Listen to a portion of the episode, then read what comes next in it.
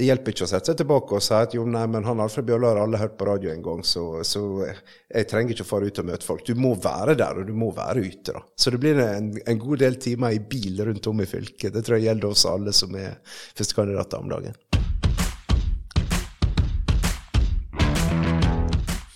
Kampen om stortingsbenken i Sogn og Fjordane er en podkast av Eirin Årdal og Anne Mette Gjelle. I denne podkasten inviterer vi deg bak sceneteppet i valgkampen, og du får bli bedre kjent med ni førstekandidater.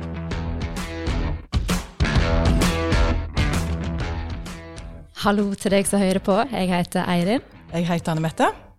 Dagens gjest er 48 år, fra Nordfjordeid. Han har vært ordfører i ti år. Eh, først eh, på Eid, og så nå i Stad. Eh, velkommen, Alfred Bjørlo, førstekandidat for Venstre. Tusen takk for det. Kjekt å være her. Du, du, er en ganske kjent ordfører, og det virker som du trives godt i rolla. Mm. Hvorfor vil du nå på Stortinget? Det, det, er rett, det. Altså, jeg må jo være så ærlig å si at jeg syns jeg har på en måte verdens mest fantastisk eh, verv. Eh, å få lov å ha vært ordfører i ti år og vært med på veldig mye i løpet av de ti åra. Eh, så det har ikke vært et sånn helt enkelt valg å si ja til å stille som førstekandidat med en eh, alvorlig sjanse til å komme inn på Stortinget. Men det er litt med det at eh, du kan ikke sitte eh, i, og gjøre én ting på livstid. Eh, jeg har alltid vært litt sånn i livet at jeg har tenkt i fireårsbolker når jeg har hatt jobber før og alt. Tenkt at etter en sånn ca. tre-fire år så er det på tide å finne noe annet.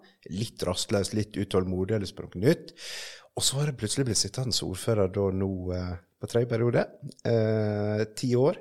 Eh, og det er noe med at det kommer aldri det perfekte tidspunktet til å gi seg. Du har jo vært en synlig ordfører.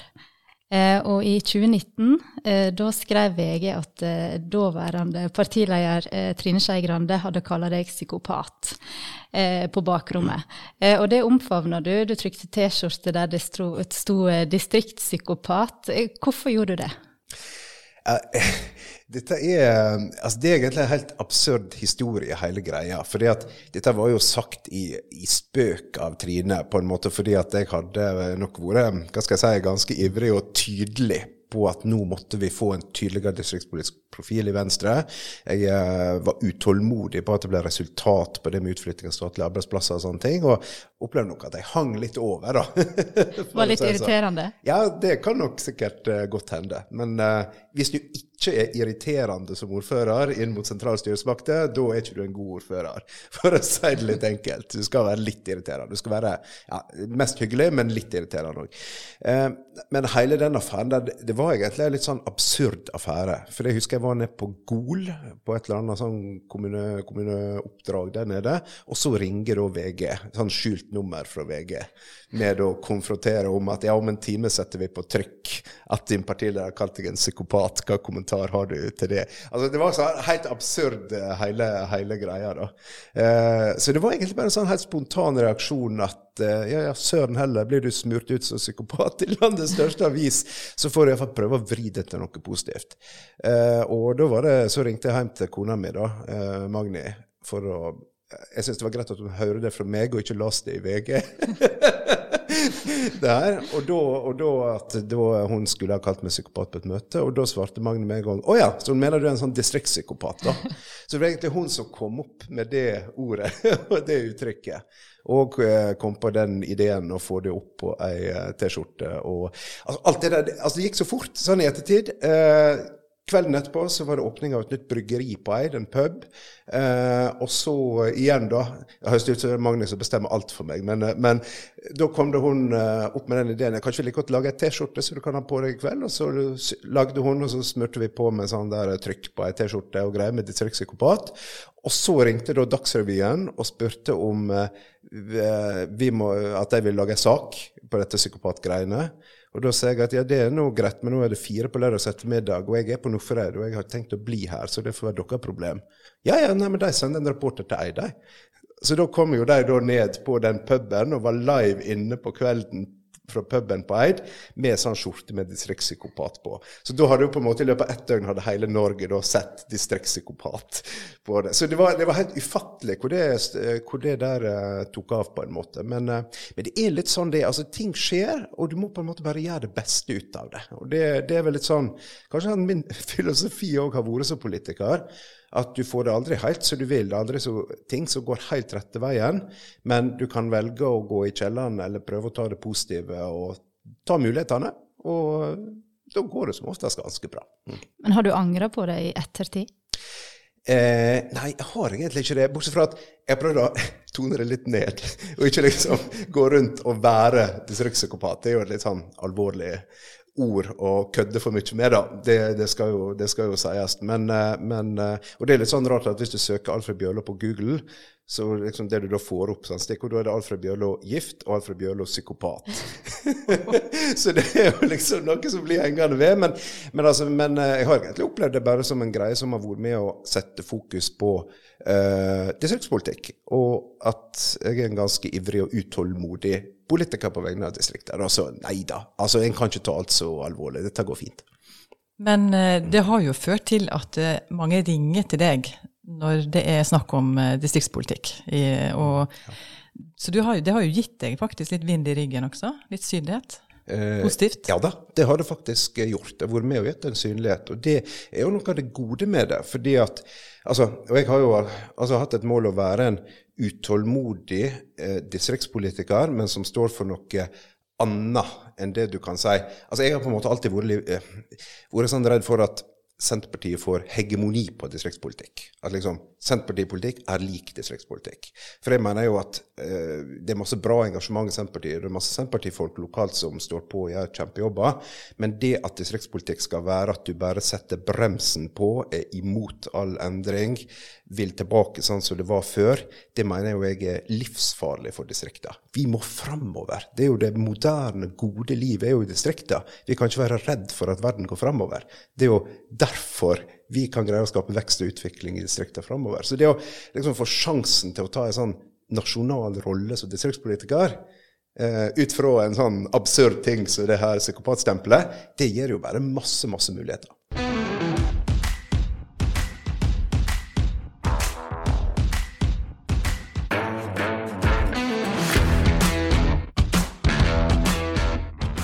Men, eh, men Alfred, eh, la oss gå spole veldig tilbake igjen. For det er jo en grunn til at folk går inn i politikken. Og jeg er jo sjøl medlem av Venstre, bare sånn at folk er klar over det.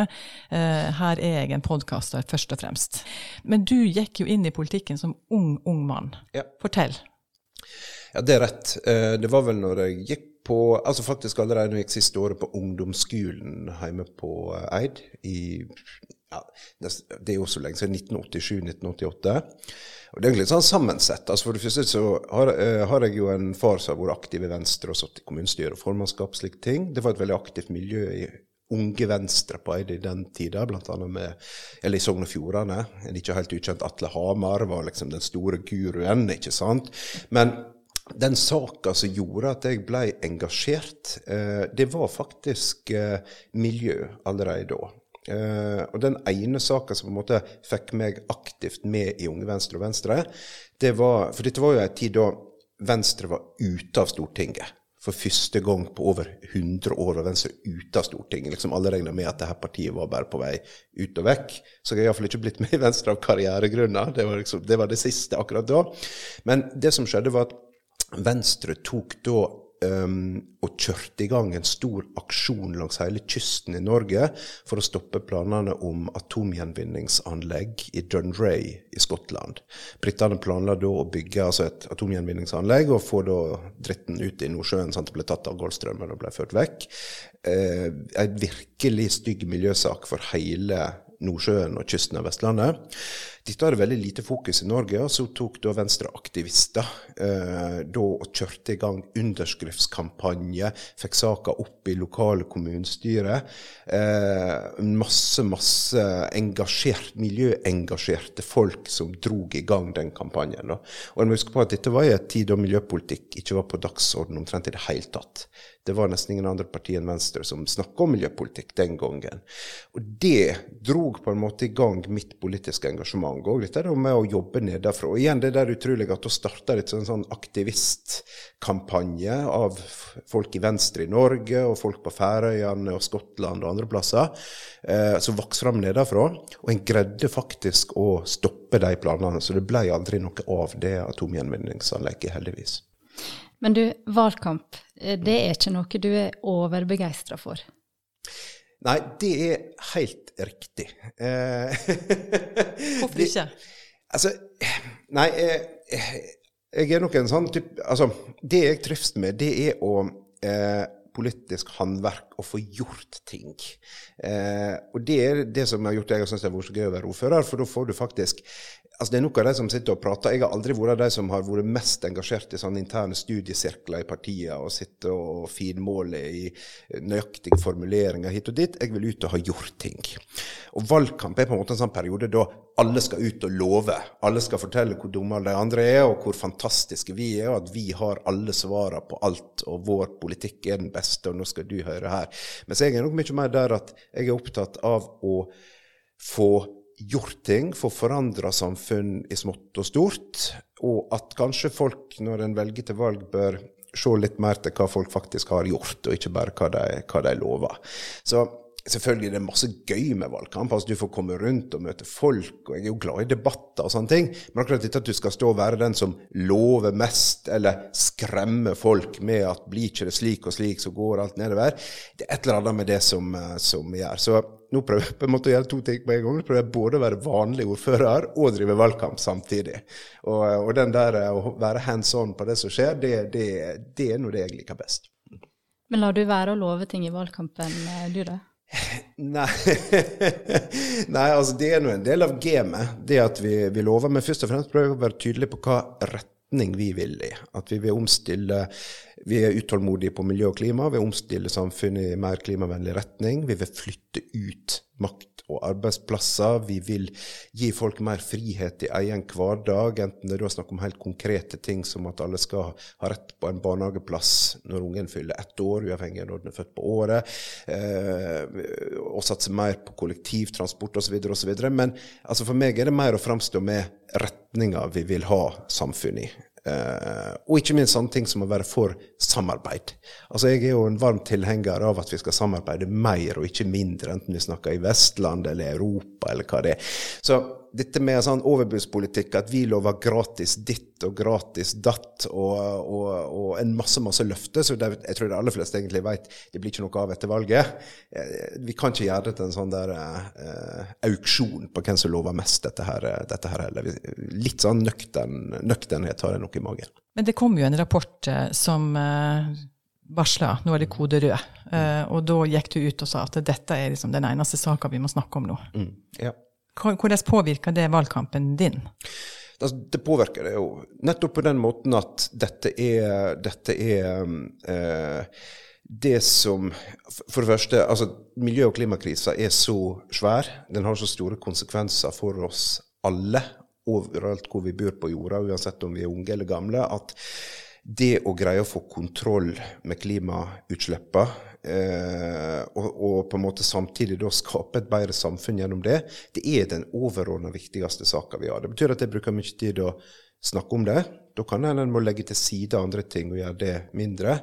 Men eh, det er eh, likevel ingen vei utenom. Men er det noen konkrete saker eller tema som du helst ikke vil snakke om? Nei, jeg tror egentlig jeg kan snakke om det, om, eh, om eh, det meste. Det tror, jeg, det tror, jeg, faktisk. Det er litt fordelen med å ha vært med i politikken i mange år og vært ordfører i ti år, at da har du på en måte vært litt innom det meste. Du er jo i et uh, litt mindre parti enn Senterpartiet og Høyre og har færre lokallag i Sogn og Fjordane valgkrins. Um, hvordan påvirker det det? Altså, du må gjøre det meste sjøl. Uh, det er Magni og du som er valgkampstrategene. ja, nei, det er heldigvis ikke fullt så gale, da. Det... du har et valgkamputvalg. og Hva, hva, hva foregår nå litt sånn bak kulissene med, med, planlegging, og hvem gjør hva? Fortell. Litt sånn enkelt sagt, uh, altså, vi, er ganske, vi er en ganske bra gjeng som driver valgkamp. Det er rett at vi har ikke så store organisasjoner, vi har ikke så mange folk at vi kan være med mange folk overalt til enhver tid. Men vi har utrolig nå engasjerte nå det, Jeg tror det er mange år siden jeg kan huske det er så mange engasjerte venstrefolk på grunnplanet rundt om på de største stedene i Sogn og Fjordane og i det store lokallaget. Det er masse folk som står på. Men hva er den viktigste kanalen for deg nå? Eh, det er faktisk et ganske vanskelig spørsmål å svare på. For det er nok det Altså, altså Utfordringen med valgkamp sånn som det har blitt nå, er at du må gjøre mer og mer oppå hverandre. Du kan ikke bare si at ja, nå er alt på sosiale medier, og det er bare der det skjer, og det er der det er viktig å være. Du må faktisk òg være ute og møte folk, og være på stand. Lokalavisene blir lest av veldig mange, så å være synlig der er viktig. Så altså og det er litt sånn min utfordring òg at du må gjøre alt på en gang. Du må være til stades overalt. Så kan du si at en av mine fordeler i forhold til en del av de andre kandidatene, er jo at jeg er et sånn rimelig kjent navn for mange fylker fra før. Så jeg slipper å begynne helt der nede fra med at må, folk må vite hvem jeg er når en reiser rundt. Det er jo selvfølgelig en stor fordel, da.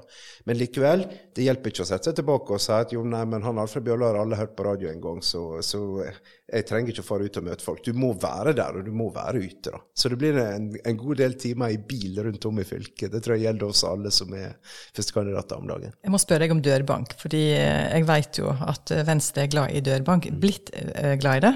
Eh, hvorfor er dørbank så viktig, og liker du det? Å forstyrre folk? Um, jeg har Vet du hva? Eh, det er helt rett som du sier, at Venstre har på en måte i flere valg eh, sagt at vi må drive dørbank, vi må gå rundt på dørene. Jeg har bare vridd meg unna i hvert valg. Jeg syns tanken er helt forferdelig. Eh, det å gå rundt på dørene til folk og tvinge seg på, på folk. Eh, og så gjorde For to år siden kommunevalgkampen i Nystad kommune. Da ble jeg med over, overtalt for første gang, eller tvungen med for første gang, til å gå dørbank ute i Selje og på Stadland og sånn. Og så var det plutselig veldig kjekt. Ja. Hva var det som var så kjekt, da? Nei, det var jo det at folk syntes det var kjekt at det kom noen på døra, og særlig han her fyren som de hadde lest om i avisa, og plutselig var han på døra. Altså, det, det var rett og slett veldig trivelig.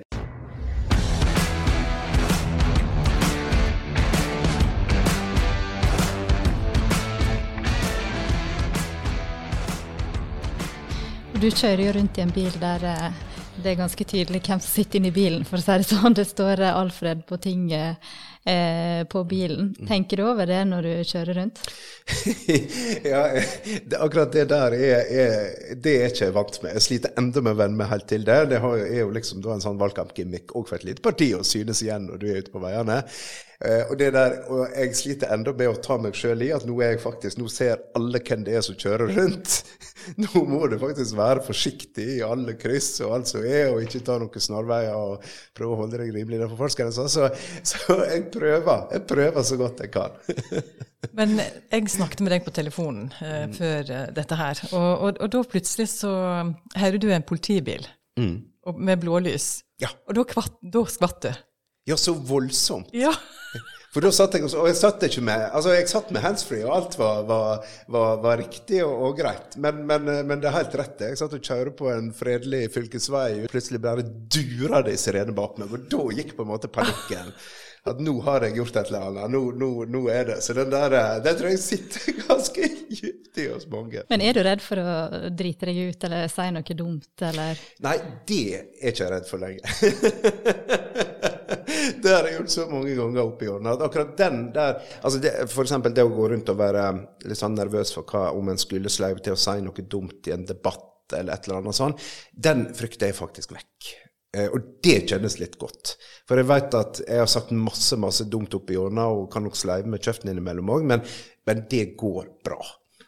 Hva er den største tabba du har gjort, da? vet du, eh, eh, nei, eh, jeg har tenkt på det, for jeg har det er et sånt spørsmål du får av og til, da, men jeg er velsigna med en veldig dårlig hukommelse. Jeg greier bare å glemme alle sånne ting. Jeg har gjort haugevis med tabber opp igjennom, eh, men eh, jeg, eh, jeg har klart å fortrenge dem. Og det har jeg tenkt å fortsette med. Det er jo godt gjort. Ja. Men det er jo ett uh, bilde som ble publisert uh, for ikke så fryktelig lenge siden, som folk snakker om enda når det gjelder deg, Alfred Bjørlo. Og da var du veldig solbrent. Fortell. Uff, ja, det der er jo igjen litt sånn typisk, da. Det er jo det at um, jeg legger vel kanskje av og til litt sånn ukritisk ut på Facebook uh, en del ting fra både hverdag og politikk, for å si det sånn. Så dette var jo da fra en fjelltur på Stadlandet tidlig i sommeren mens huda var ganske hvit ennå. Og, og, jeg er jo alltid optimist. Jeg regner med at jeg skal sjølbrune meg på de første soldagene. Og uh, solkrem uh, har jeg nok aldri vært spesielt flink å bruke. Uh, og så var jeg da ute og gikk med en kompis, og turen ble mye lengre enn forventa, og sola var mye sterkere enn forventa. Så han fikk da tatt et bilde der jeg var rimelig sånn hummerrød over, over, hele greia. Og så ble det bare lagt ut på Facebook uten at jeg tenkte noe på det. Um, og så er det jo da i vår herlige moderne medieverden, så ringer da en sommervikar i Firda og sier at du, jeg har sett et bilde på Facebook, og er det greit at uh, vi lager en sak på dette her i Fedda? og da, da, er det litt sånn, hva skal du da si? At nei, nei, nei, nei, nei, nei, eh, glem det, jeg skal slette det. Dette må være hemmelig når alle de hundrevis av folk har sett det på Facebook. Så da er å, da er det bare å stå i det. Og det var jo et ganske nærgående bilde, egentlig. Av, ja. Det var mye kropp og, ja. og solbrent hud og ja. truse og det hele. Mm, det var det. Det var det. Det var veldig, veldig mye. Det kan vel, eh, Men sånt legger du bak deg. Sånt legger du bak ja, deg veldig fort. Det det går så fint. Altså, det Jeg sier at en gjør, altså Hvis en skal gå rundt og være redd for seg sjøl og tenke gjennom alt en gjør, da får ikke en gjort noe. Så det er bare å gønne på, så går det bra til slutt. Men du har ordet i din makt? Ja, litt sånn både òg. Altså, jeg, eh, jeg liker å skrive. Jeg kan være jeg er ikke alltid god å skrive, men jeg kan være det hvis det enten er noe som liksom treffer jeg blir engasjert, eller gir meg litt tid å jobbe. Altså, jeg liker å jobbe med ord, for å si det sånn.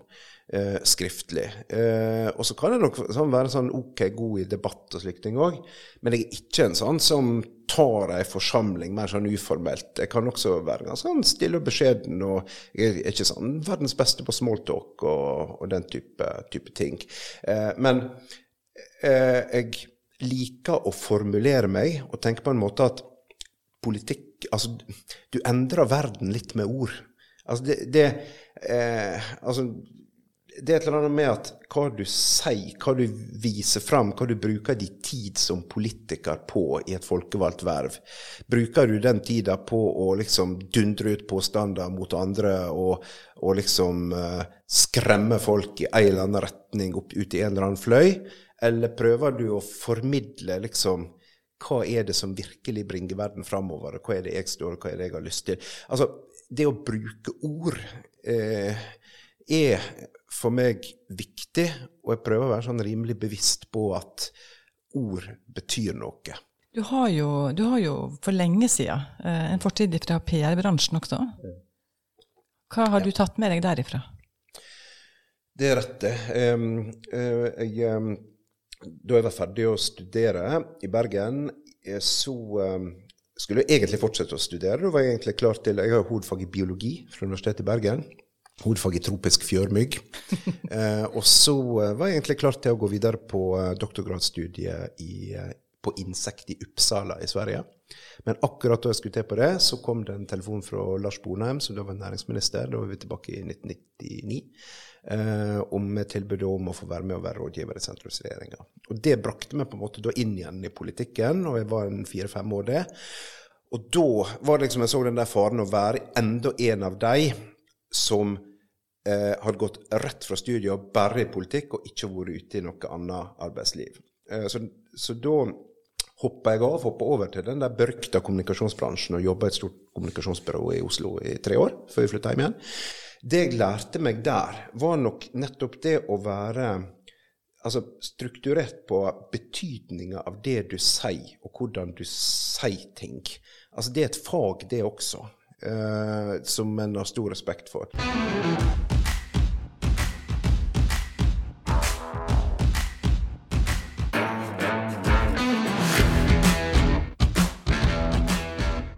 Men du, hva gjør du for å koble av?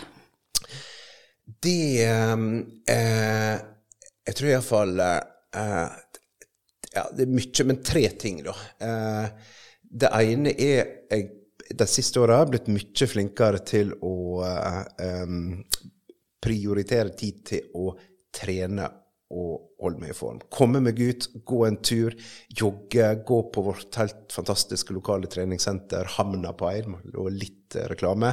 Eh, men eh, å bruke tid på det, så opplever jeg har uendelig mye igjen på. Og så blir viktigere og viktigere når, eh, for oss som begynner å bikke 40. Ja, nærmest 50, da. Men, eh, men, eh, men, det å gjøre det, så er det å slappe av hjemme på kveldene og sige i hop hjemme i sofaen, se en TV-serie i lag med Magni, god mat, et glass vin.